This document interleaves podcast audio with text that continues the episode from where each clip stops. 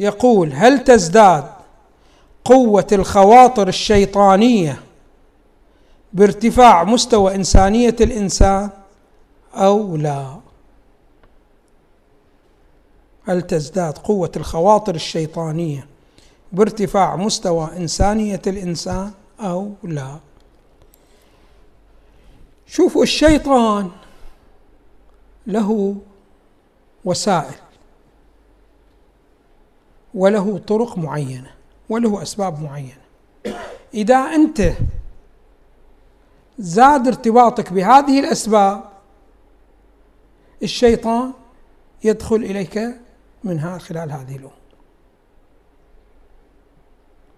وكل ما قلت قل ارتباطك بهذه الأسباب ضعف تدخل الشيطان في أمورك.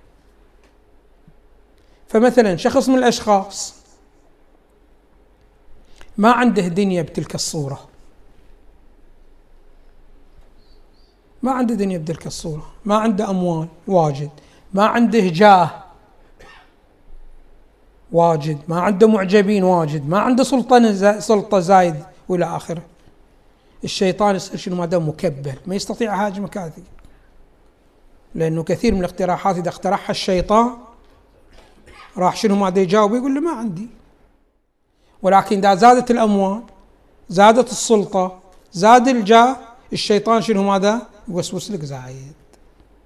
ويفتح عينك إلى كثير من الآثام والمعاصي. فتزيد شنو ماذا؟ الفتنة.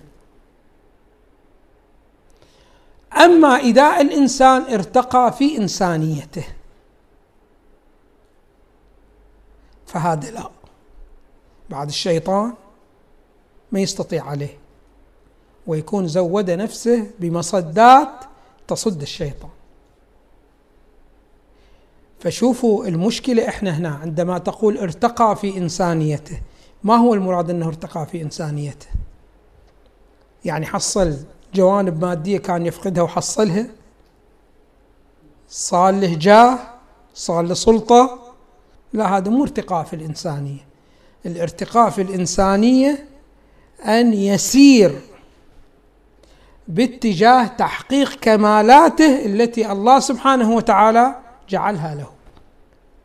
فذكرنا إحنا بأنه كمالات الإنسان أن يكون في الجانب العملي وفي الجانب النظري. في الجانب العملي أن يدرك الوقائع والحقائق كما هي من غير أي تشويش. والجانب العملي أن يتصف بالعدالة. فهنا إذا ابتدأ وحصل خمسين في المئة من مادة العدالة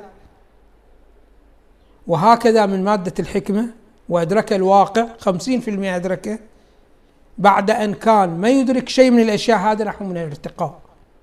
وإن كان شنو ماذا في الجانب المادي؟ تراجع هذا ارتقى وإذا وصل إلى شنو ماذا سبعين في المئة فقد سجل ارتقاء أكثر.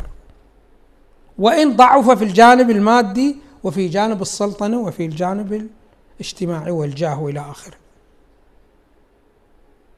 فالارتقاء في الإنسانية هو عبارة عن بلوغ الإنسان إلى درجة كماله أو ما يقرب من درجة كماله.